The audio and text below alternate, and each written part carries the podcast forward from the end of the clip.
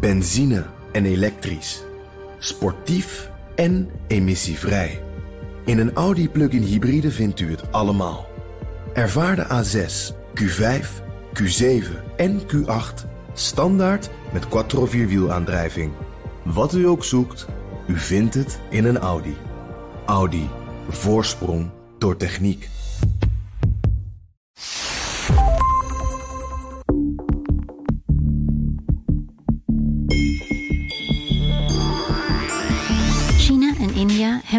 Bijna 60 jaar ruzie over hun landgrens. Beide grootmachten claimen dat die grens ergens anders ligt.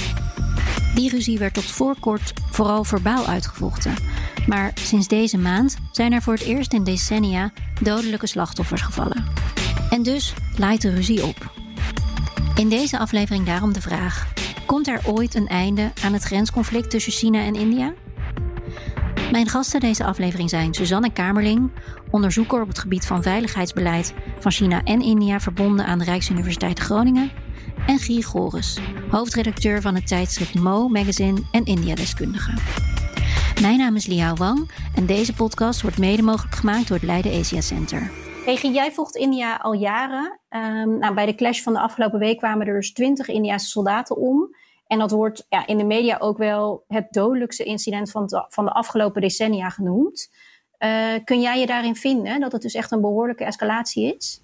Het was in elk geval een, eh, een, een sterke escalatie die ook helemaal onverwacht kwam. Uh, niet dat het conflict onverwacht kwam. Iedereen kent het conflict en, en weet dat er uh, dispuut is tussen China en India rond een aantal grensplaatsen waar die grens juist loopt. vanaf begin mei waren er opnieuw schermutselingen en die waren toch ernstiger dan wat we de afgelopen jaren gezien hebben. Er was sprake van de-escalatie, er was contact op het hoogste niveau. Uh, dus alles liep een beetje zoals uh, men hoopte dat het zou lopen. En dan kreeg je plots maandag een soort veldslag op grote hoogte in het midden van de nacht, waarbij twintig uh, Indiaanse soldaten sneuvelden en volgens India ook een aantal Chinese soldaten. Het Volksbevrijdingsleger zegt daar natuurlijk niks over naar traditie, maar dus we hebben een, een gevecht gezien zoals we aan de grens tussen India en China sinds 1962 of ten laatste 75 niet meer gezien hebben. Dus ja, dat was onverwacht en heftig. Hey, en Suzanne, jij onderzoekt het veiligheidsbeleid van, van beide landen, van China en India. Uh, denk jij dat we het ergste nu gehad hebben? Of dat we aan het begin staan van ja, een escalatie zoals misschien in, in 62 of in 75? Ja, we hopen natuurlijk dat we het ergste gehad hebben. Direct nadat uh, de doden zijn gevallen, is er op het hoogste niveau uh, contact geweest uh, tussen de minister van Buitenlandse Zaken van India, Jaishankar, en de minister van Buitenlandse Zaken van, van China, Wang Yi, telefonisch. en daarbij hebben ze afgesproken om de, op de grond te deescaleren. Uh, en er zijn ook gesprekken gaande op generaalsniveau uh, op de grond. Uh, en dat heeft er ook toe geleid dat er een aantal Indiase soldaten is vrijgelaten. die kennelijk vastgehouden werden door de Chinese kant. Dus dat is wel een geste naar, naar India toe. die misschien wellicht wat helpt om de gemoederen wat te sussen. Want aan Indiase kant was er, was, was er sterke druk op Modi om, om te reageren. Ja, en de intenties lijken dus in ieder geval richting de-escalatie te gaan. En Guy, jij, jij gaf net al aan van hè, dit conflict is niet nieuw, de escalatie is nieuw en vooral maar het conflict niet. Um, kun je ons eens meenemen naar, naar wanneer dit conflict eigenlijk is ontstaan? Wel, het conflict is ontstaan bij het ontstaan van de, van de naties zoals we ze vandaag kennen. De, de Volksrepubliek China in 48 en kort daarvoor de India als onafhankelijke staat uh, na de koloniale periode uh, en de splitsing van het Indische subcontinent in India en, en Pakistan. Uh, het eerste conflict ging, waar dat nieuwe India mee te maken kreeg, ging trouwens uh, meteen rond die noordelijke prinselijke staat Jammu en Kashmir. Het was een conflict met Pakistan over wie uh, dat die prinselijke staat zou mogen toevoegen aan het grondgebied van de nieuwe onafhankelijke staat. Uh, beide landen claimden Jammu en Kashmir. Ze hebben daar een oorlog over gevoerd die een paar jaar aangesleept heeft, die uiteindelijk in, in een soort deling geresulteerd heeft van Jammu en Kashmir. Want zowel India als Pakistan bezetten een deel daarvan. Uh, en het werd meteen ook wel duidelijk al dat er disputen waren aan de oostelijke kant van die, van die grens uh, of van die deelstaat, uh, Jammu en Kashmir, waar die aan China uh, raakt, want daar raakt die aan, aan het Tibetaanse plateau. En we weten allemaal wie India volgt, dat Ladakh, dat, dat, dat dat cultureel ook heel erg aansluit bij, bij Tibet. En dus de Chinese overheid claimde minstens een andere grenslijn dan de Indiase overheid claimde. En India ging uit van, uh, van de grenslijnen zoals die door de Britten genegocieerd waren of getrokken waren. En die waren soms onderhandeld met, uh, met bijvoorbeeld Tibetaanse machthebbers. Uh, en dat werd dan niet erkend door de Chinese overheid en zeker niet door de Volksrepubliek vanaf 48. Uh, eh, en dat geldt niet alleen trouwens in Ladakh, waar vandaag het grootste deel van, van de conflicten zich afspelen. Maar dat geldt over de hele lijn, die hele duizenden kilometers lange grenslijn tussen India en China. Want aan de andere kant heb je Arunachal Pradesh Pradesh. Dat is een, deelstaat op dit moment van India, maar dat is, een, dat is dan Zuid-Tibet uh, volgens de Chinezen en zij claimen dat. Dus er is heel wat over en weer claims en oneenigheid over die grenslijnen. Ja, dus die grenslijnen zijn eigenlijk getrokken door de Britten nog in, de koloniale, in het koloniale tijdperk. En eigenlijk sindsdien uh, zijn er nieuwe staten ontstaan, nieuwe overheden aan de macht gekomen. Is er onduidelijkheid of in ieder geval discussie over waar die grenzen dan precies liggen. Uh, Suzanne, ik was benieuwd, wat is eigenlijk het belang van dit stuk grondgebied? Ik bedoel, er woont niemand, er vallen geen grondstoffen te halen. Waarom maken we ons daar allemaal zo druk over? Uh, nou ja, vanuit de uh, Chinese kant is dat uh, een strategisch gelegen gebied. Ik denk voor allebei wel. voor, voor India, omdat het deel is van Kashmir. en dat, dat ook een conflict resulteert met Pakistan. vanaf inderdaad, zoals Guy zegt, het begin van, van de onafhankelijke staat India. en vanaf voor China is zowel Tibet, um, waar Aksai Chin dan van, deel van uitmaakt, als ook Xinjiang, wat daarnaast ligt zijn strategisch gelegen gebieden, zijn hele grote gebieden uh, met heel veel uh, buurlanden, uh, die een soort buffer vormen voor China met, met heel veel andere buurlanden. En ook um, ja, in brede zin wel strategisch liggen, um, veel grondstoffen hebben, toegang tot water in de Himalaya. en Aksai Chin specifiek um, is, nou ja, daar is dus die weg aangelegd in, in de jaren 50 door China. Uh, dat is een soort verbindingsweg tussen Tibet dus en Xinjiang. En zowel Tibet als Xinjiang zijn, zoals jullie weten, uh, gedomineerd door uh, grote etnische minderheden vanuit China's oogpunt. Dus Tibetanen en Oeigoeren. en zijn eigenlijk ja, vanaf, vanaf dat ze deel uitmaken van het huidige Volksrepubliek India... onrustige gebieden, omdat, omdat beide regio's meer autonomie willen. Dus het gaat niet zozeer om die grens en die kilometers zelf... maar meer om de grensgebieden weer aan, eigenlijk dat grensgebied wat China graag wil behouden? Die zijn zeker belangrijk en ook in de huidige context, maar daar hebben we het waarschijnlijk straks nog over. Uh, de China-Pakistan uh, Economic Corridor, uh, die deel uitmaakt van de, van de nieuwe zijderoute, het grootste, belangrijkste buitenlands beleid, vehikel van de huidige president Xi Jinping. Um, dus ook in dat kader zijn de, deze regio's die, die gaan daar dwars door Xinjiang heen, door Pakistan uh, dus dat zijn toch wel strategisch belangrijke gebieden, ondanks dat ze heel onherbergzaam zijn, dat er bijna niemand woont enzovoort. Maar misschien nog even toevoegen, uh, als ik even mag, want het is toch interessant. want de frictie, de spanning tussen India en China in de jaren 50, die dan leidde naar, naar de oorlog in 62 en de aanhechting van Aksai Chin, die, die heeft alles te maken ook met Tibet en met de de botsing tussen het Tibetaanse laten we zeggen, nationalisme en, en de Chinese, de groot-Chinese gedachte, of het ene Chine, China. Uh, het feit dat de Dalai Lama naar India gevlucht is, heeft uh, in China heel veel kwaad bloed gezet en heeft die pogingen van Nehru om grote vriendschap tussen de twee grote uh, Aziatische machten, China en India, om dat naar het voortplan te trekken en, en dat ook op wereldschaal in te zetten als de motor van de niet gebonden landen. Dat heeft dat eigenlijk, daar heeft uh, Tibet zand in die motor gegooid. En dat, dat hebben de Chinezen nooit echt prettig gevonden om het heel zacht uit te drukken. En dus de, de acties in de jaren 50 en begin jaren 60 van de Tibetaanse vluchtelingen, die bleven uh, propagandaballons bijvoorbeeld over de Himalaya sturen. Dat, uh, dat zorgde ervoor dat er in China ook een soort uh, draagvlak ontstond voor expansie of om tenminste om te zeggen we moeten dat hele uh, grensgebied echt onder onze controle krijgen en we mogen uh, India kunnen we daar niks toestaan. Dus dat, dat heeft historisch heel veel gespeeld.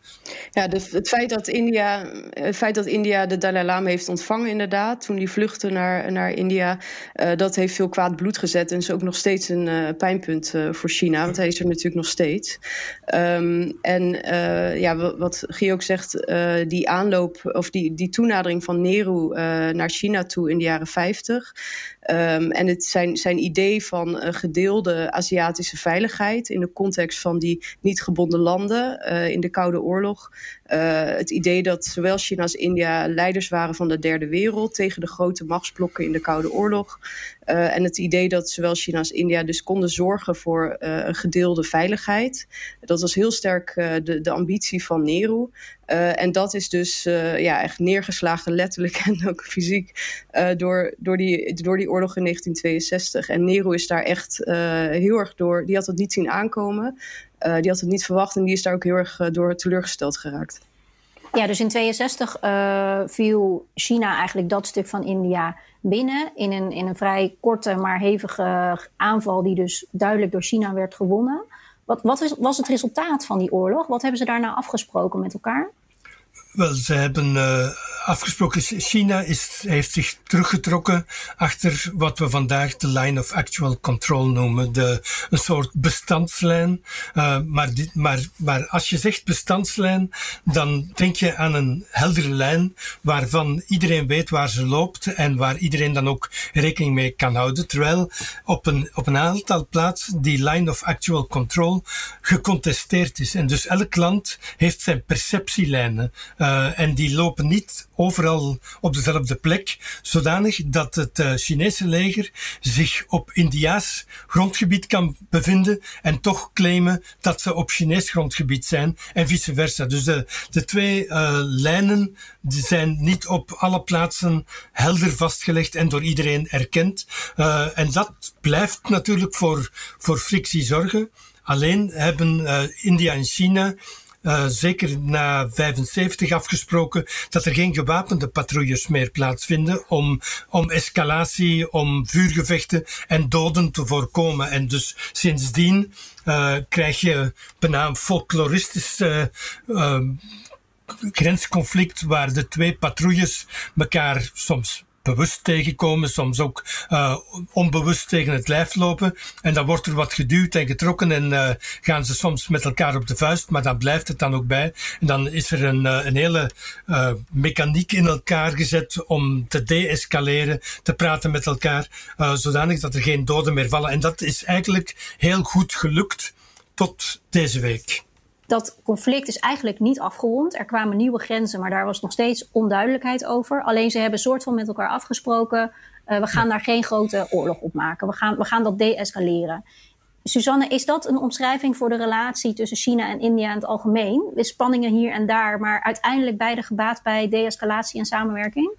Ja, zeker. Het is een, een relatie, een bilaterale relatie, waarin zowel veel samenwerking is en grote belangen, met name economisch, als ook inderdaad confrontatie, conflict, uh, dingen waar ze duidelijk niet over eens zijn en waar ze ook al lang niet uitkomen. Uh, maar die benadering is zeker de afgelopen jaren. In 2017 was er een andere grote standoff. Daar zijn toen geen doden bij gevallen, maar die was in Doklam.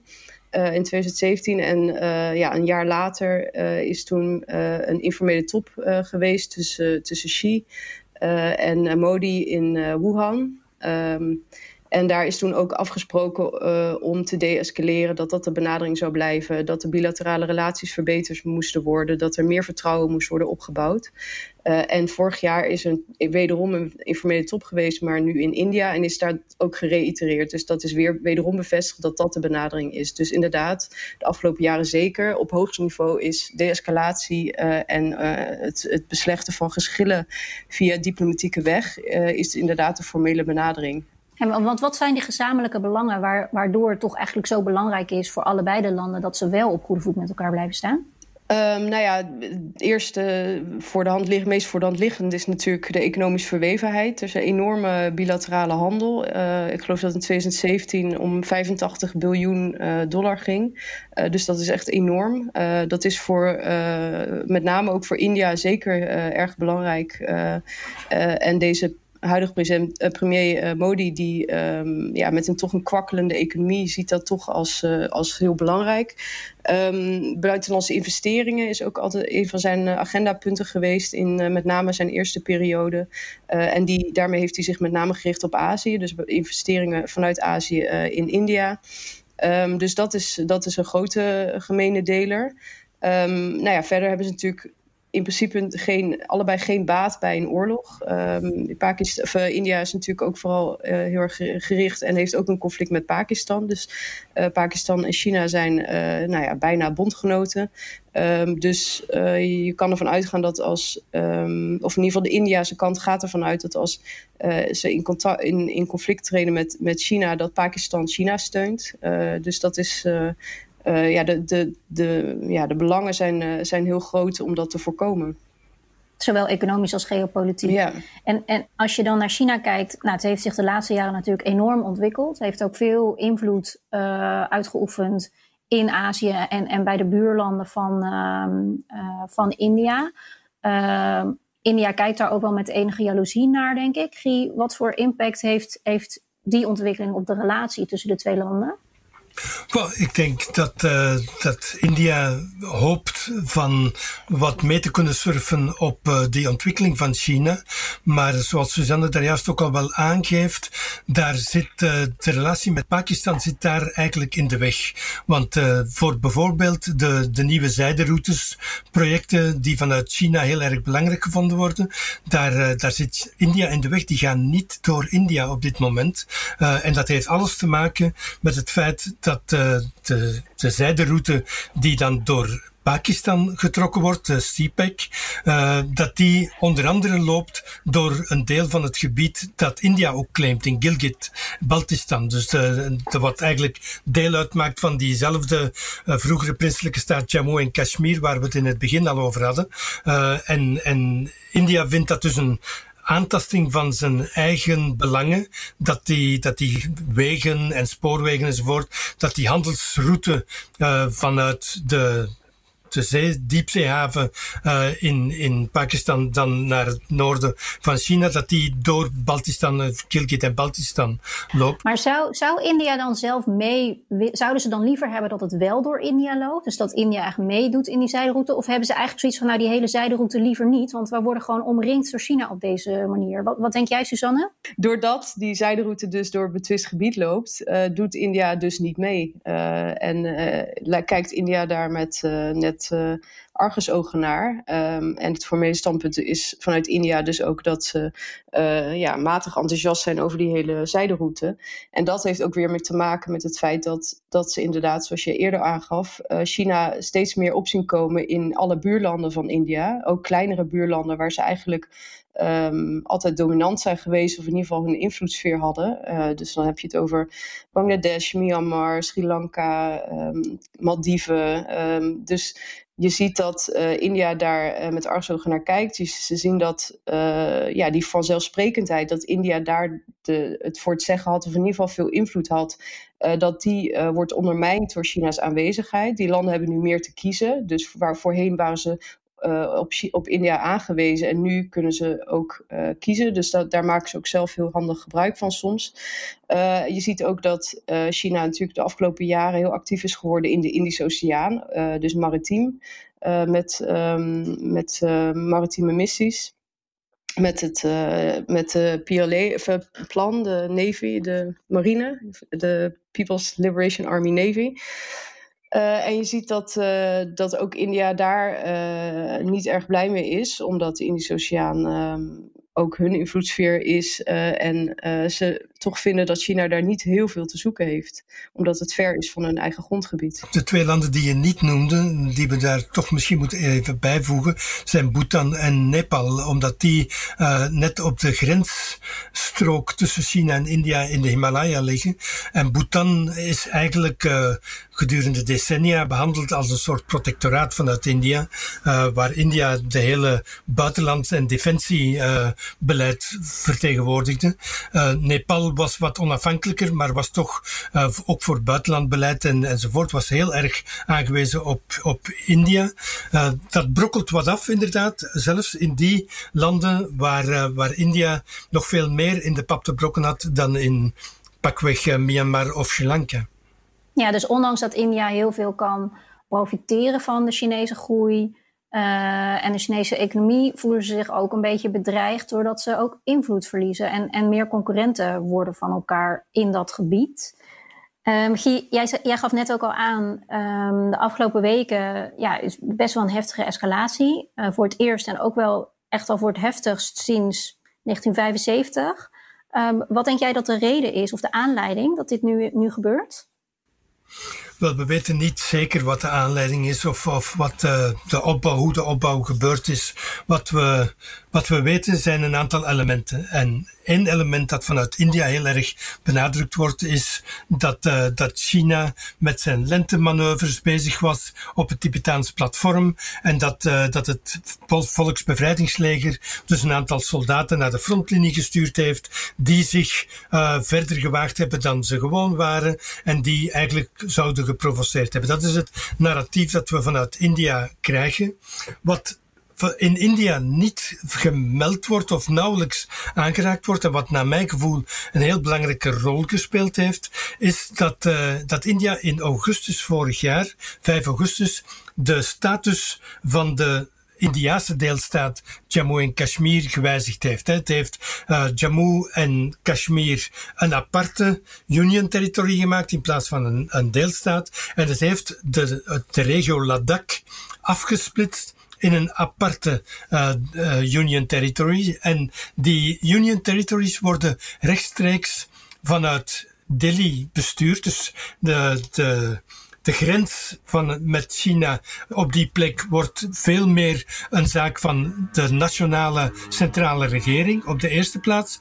Bovendien heeft de minister van Binnenlandse Zaken, Amit Shah, uh, bij de aankondiging in het parlement van die grondwetswijziging, die toch wel heel erg ingrijpend was en die heel erg gecontesteerd werd, zowel in Kashmir zelf als vanuit Pakistan. Uh, maar bij die aankondiging heeft Amit Shah dan ook nog eens heel duidelijk gezegd dat India aanspraak blijft maken op het hele grondgebied van de vroegere prinselijke staat. En daarmee en heeft het ook expliciet gezegd, verwijst hij niet enkel naar de gebieden die door Pakistan bestuurd worden, maar ook naar Aksai Chin, het stuk dat door China aangehecht was na de oorlog in 62. En dat is heel erg slecht aangekomen in China op, opnieuw.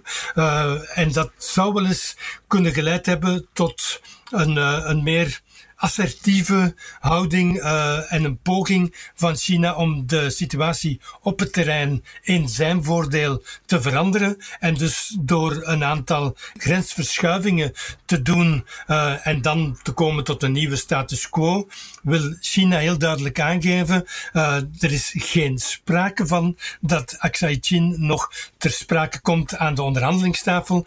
Waar we met India gaan over onderhandelen, is over die line of actual control, waar die eigenlijke grens ligt of hoe we die zien, en niet over het terrein dat in 62 aangehecht is bij China.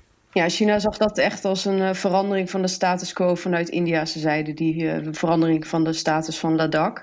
Uh, als ook die aanleg van infrastructuur aan de kant van, van India, dus in Ladakh. Uh, wat dus ook uh, door het maken van een Union Territory ook wordt aangestuurd vanuit Delhi, infrastructuurprojecten. Uh, en daar is dus ook infrastructuur aangelegd. Dus dat, die twee dingen, de eerste is het belangrijkste, de wijziging van de, van de dak, um, wordt door China echt heel erg gezien als een verandering van status quo, waar ze heel erg fel op hebben gereageerd, waar ze heel erg tegen zijn. Dan was dat natuurlijk vorig najaar of in de zomer, maar vorig najaar geformaliseerd. maar inderdaad, dat kan zeker meespelen in, in de huidige ontwikkelingen. En heb jij dan het idee dat dit conflict uh, gepland was? Dus dat er echt opdracht werd gegeven aan die grenspatrouilles van... Uh, nou, uh, ga maar eens even wat, wat grenzen over om te laten zien dat wij ons niet laten piepelen, zeg maar, vanuit China? Ja, dat is altijd lastig te zeggen. Uh, wat precies strategische inzet is, wat op het hoogste niveau wordt uh, besloten uh, en, en geregisseerd. het kan ook een combinatie zijn van wat Guy zegt inderdaad van nou, doe maar even wat aan de grens, verander je maar wat posities om even een signaal af te geven. En dat dat door, door lokale beslissingen uit de hand is gelopen. dus dat, het kan een combinatie zijn van, van die factoren. maar dat is heel lastig te zeggen of dat uh, of het op het hoogste niveau ook daadwerkelijk een strategische inzet was. Wat wel in de richting wijst van, uh, van een strategische keuze, is het feit dat begin mei er op verschillende plaatsen tegelijkertijd incidenten waren. Die grensincidenten waren eigenlijk few and far between. Dat was, dat was zo nu en dan eens over de jaren dat er iets gebeurde en dat er wat getrokken en geduwd werd. Maar nu was het plots in eenzelfde week op een vijftal plaatsen uh, gebeurde tegelijk. En, en dat kan bijna geen toeval zijn. Dus daar zit zeker een soort provocatie achter of een, een planning achter. Uh, of die planning dan voorzien had dat het zo uit de hand zou lopen als we begin van de week gezien hebben, dat is twijfelachtig, denk ik. Maar, uh, maar nogmaals, ook daar, uh, als, als je de Indiase kant mag geloven, heeft het Chinese leger uh, bij die scherm, of die vechtpartij van, uh, van maandagnacht, uh, baseballclubs gebruikt die omwikkeld waren met prikkeldraad. Dat heb je niet altijd op zak. Daar, dat is dus ook wel voorzien. Dus daar er zitten toch een aantal elementen die we moeten meenemen als we die afweging maken, gepland, strategisch of toevallig. Ja, ja, en tegelijkertijd nou ja, jullie hebben het ook de hele tijd over een vechtpartij, een schermutseling. In de internationale media wordt wel geschreven van een brawl. Um, het klinkt bijna alsof het een soort vechtpartij in een kroeg is. Ja, maar dat is dus, dat is dus wat steeds aan de grens gebeurt hoor. Bijna, bijna elk jaar wel dat er wat vechtpartijen zijn. Uh, en dat heeft dus te maken met het feit dat ze formeel dus niet gewapend zijn. En allerlei andere middelen gebruiken. Dus stenen. Dat was toen met die Doklam stand-off ook. Uh, steen, met elkaar met stenen te lijf te gaan. Met de recente, wat er van de week gebeurde, las ik ook wel dat er bijvoorbeeld soldaten de rivier in zijn gegooid. Want even voor het beeld van de luisteraars. Het gaat om een hele smalle vallei. Een soort klif tussen twee grote bergen met een, met een rivier. En daarnaast een heel smal pad. Uh, dus het is niet dat daar heel veel ruimte is. Um, en uh, ja, er zijn wel berichten dat, dat, dat Indiaanse soldaten met hoofdwonden de, de, rivier in zijn gegooid. En dan gaat het dus om verdrinking, wat uiteindelijk een doodsoorzaak zou kunnen zijn.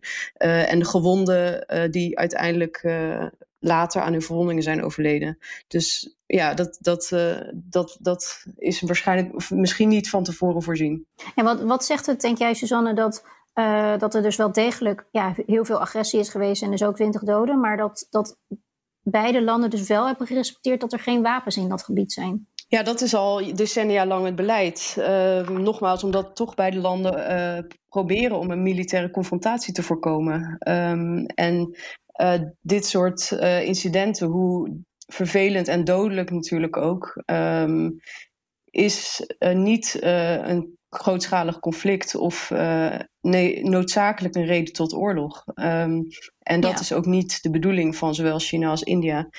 dit is eerder inderdaad strategische inzet. Of in de zin van het afgeven van signalen over voor dingen die er gewijzigd zijn aan zowel Chinese als Indiase kanten. dus dat, dat ja, dat is meer ook elkaar een beetje kat-en-muisspel, elkaar prikken, elkaar steeds signalen afgeven. Um, dan dat het echt de bedoeling is om daarmee militaire confrontatie te beginnen. Dat die spanningen continu zijn gedeescaleerd, hebben we natuurlijk in het verleden continu gezien. Uh, Guy, wat denk jij dat er deze keer nodig is om, ja, om tot een oplossing te komen of in ieder geval een voorlopige de-escalatie? Wel, we hebben gezien dat, uh, dat de wil heel uitdrukkelijk uitgedrukt is door beide partijen om te deescaleren. Wat, wat op zich al uh, belangrijk is en niet, van, niet zo vanzelfsprekend is vandaag als bijvoorbeeld tien jaar geleden. Want je zit met twee uh, regeringen die uitdrukkelijk nationalistisch zijn. De, de regering Xi in, uh, in China is dat veel meer dan, uh, dan tien jaar geleden. En de regering Modi is dat heel uitdrukkelijk. Uh, en, en het valt bijvoorbeeld heel erg op hoe anders Modi reageert op dit grensconflict waar twintig Indiaanse soldaten sneuvelen. Als je dat vergelijkt met uh, begin vorig jaar toen er een aanslag was op, op Indiaanse militairen in Pulwama in, in, in Kashmir in India. Dan heeft Modi meteen gezegd, daar zit Pakistan achter en hij heeft vliegtuigen opgestuurd naar uh, Pakistan om daar zogezegd uh, vormingskampen voor militanten te gaan bombarderen. Dus dat was heel erg macho, heel erg militair. En, en nu heeft hij een halve week of langer gezwegen. En dan krijg je een heel diplomatiek standpunt dat natuurlijk bevestigt van als het nodig is, kunnen wij altijd antwoorden en we zijn paraat, maar we willen niet dat dit escaleert. Dus ik denk dat de diplomatieke weg wel uitweg zal bieden. Uh, de vraag is voor mij eigenlijk op meer op middellange termijn of op langere termijn. Waar willen deze twee landen nu met die grensconflicten naartoe? Want die conflicten en die oneenigheid bestaat al meer dan 70 jaar. En, en dus waarom wordt dat niet opgelost? Waarom zetten ze ja. zich niet lang genoeg aan de tafel? Waarom leggen ze niet alle kaarten, letterlijk landkaarten en lijnen op de tafel om te kijken van, kijk, wat is nu nodig? Wat zijn onze wederzijdse belangen? En hoe kunnen we tot een overeenkomst komen? Want er zijn belangen van strategische aard, van toegang tot gebied enzovoort en zo verder. Maar daar is een diplomatieke uitweg uit. Net zo goed als India kan leven met het feit dat China Aksai Chin geannexeerd heeft. En zoals China kan leven met het feit dat India Arunachal Pradesh uh, geannexeerd heeft. Dus er, er zijn modi vivendi te vinden. Alleen lijkt men liever te leven met het conflict dat dan kan geactiveerd worden als het nodig is. En dat blijft eeuwig gevaarlijk, want zoals we nu gezien hebben, kan het plots weer escaleren. En als dit op een nog slechter moment komt waar, waar beide landen intern uh, een conflict zouden hebben of een probleem dat ze moeten afleiden, dan weet je dat een, een interstatelijke oorlog uh, of een, ook als, vooral als dat gelokaliseerd kan blijven, dat dat altijd aanlokkelijk is voor nationalistische regeringen die binnenlandse dissidentie of problemen moeten, uh, moeten wegstoppen. Nou, en dat is dan denk ik ook de laatste vraag die ik uh, aan jullie allebei zou willen, willen stellen. Uh, komt er ooit een einde aan het grensconflict tussen China en India? Suzanne, wil jij daar eerst op ingaan? Ja, nee, ik onderschrijf wat Guy net zei. Uh, kennelijk is er niet genoeg politieke wil aan beide zijden om dit conflict op te lossen. Want dat is natuurlijk niet onmogelijk. Je kan de de facto grenzen accepteren en formaliseren, ondanks dat dat natuurlijk lastige onderhandelingen zijn. Uh, maar kennelijk is er uh, nog, goed, nog voldoende uh, ja, wil om, om dit conflict ook soms wel te gebruiken. Het is heel cynisch natuurlijk. maar ook wel te gebruiken om, om als, ofwel als bliksemafleider of om elkaar signalen te geven uh, bliksemafleider van andere problemen bedoel ik. Um, dat is ook bijvoorbeeld door een Amerikaanse diplomaat uh, gezegd van de week dat, dat China dit gebruikt uh, als een soort bliksemafleider, omdat het onder druk staat van de, van de, door de coronacrisis, kwetsbaar is. Um, en dat ze dat momentum gebruiken om, om dit conflict aan te wakkeren. Um, maar vanuit Indiase kant is er heel erg de angst dat, dat China hetzelfde, zich gaat, hetzelfde gaat gedragen als in de Zuid-Chinese zee. Dus langzaam, kleine stapjes, incrementeel de status quo veranderen. En daarmee uh, ook uh, aan de Indiase kant. Um, ja, toch uh, delen van het grondgebied in te nemen. Um, het hangt ook heel erg samen natuurlijk met, met Kashmir zelf. Uh, de, de Pakistaanse kant van Kashmir, uh, de relatie tussen China en Pakistan. Um, dus als uh, China een, een, over, een, tot een overeenstemming komt met India, of met, met India, Um, zal India toch ook wel deels overeenstemming moeten komen met Pakistan. Ehm, dus het ligt allemaal wat gecompliceerder, maar er is kennelijk nog niet genoeg politieke wil om het tot, tot een uh, overeenkomst te komen. En die kan er wel zijn. Je, China heeft bijvoorbeeld de grens met Rusland, Sovjet-Unie voormalig, wel geformaliseerd. Dus als er genoeg politieke wil is om dat te doen, dan kan dat ook tot een oplossing leiden. Maar ik zie het op, op voorlopig nog niet gebeuren, nee. Hey, en Guy, denk jij dat er ooit een einde komt aan het grensconflict? Ik ben niet heel optimistisch wat dat betreft, maar uh, ooit komt daar een einde aan. Ooit wordt dat geregeld. Uh, en het enige wat je kan hopen is dat het diplomatiek geregeld wordt. Want uh, China bouwt zijn uh, militaire macht heel snel, heel sterk uit. Dus uh, op, er komt een moment waarop China dat manu militari kan afdwingen. Die oplossing of kan opleggen eenzijdig. Langs de andere kant zien we dat ook India bezig is met een sterke militaire opbouw. Zowel China als India zitten op dit moment in de top 5 van landen uh, met de meeste militaire uitgaven van de wereld. Dus dat is best wel gevaarlijk. Het zijn ook twee atoommachten. Pakistan is dat dan ook nog eens. Uh, en het feit dat, uh, dat nu ook weer vandaag de Indiaanse regering aangeeft van we hebben volmacht gegeven aan de generaals op het terrein om, om de situatie in te schatten en ook de nodige stappen te nemen zonder noodzakelijk te wachten op het politieke niveau in Delhi.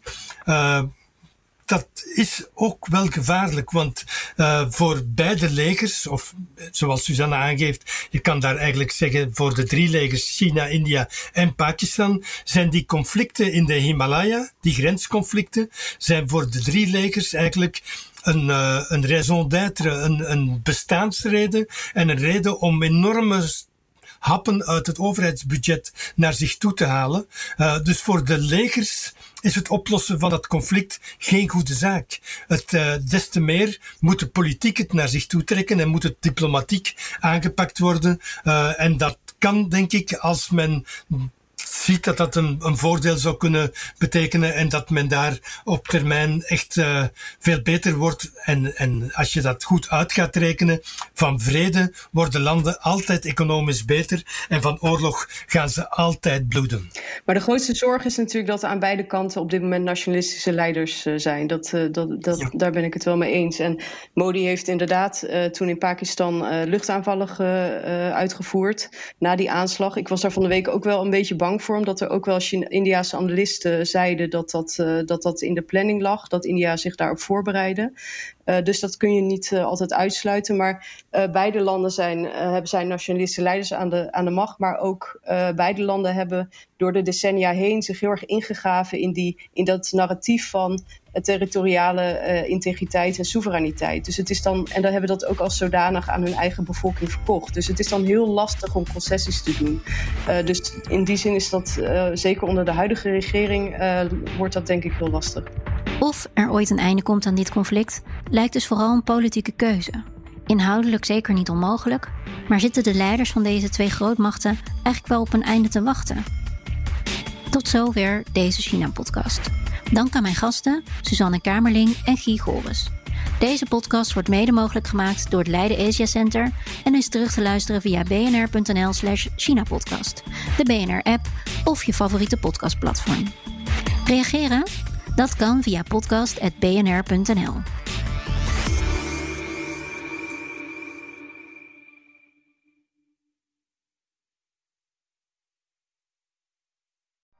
Benzine en elektrisch. Sportief en emissievrij. In een Audi plug-in hybride vindt u het allemaal. Ervaar de A6, Q5, Q7 en Q8 standaard met quattro vierwielaandrijving. Wat u ook zoekt, u vindt het in een Audi. Audi. Voorsprong door techniek.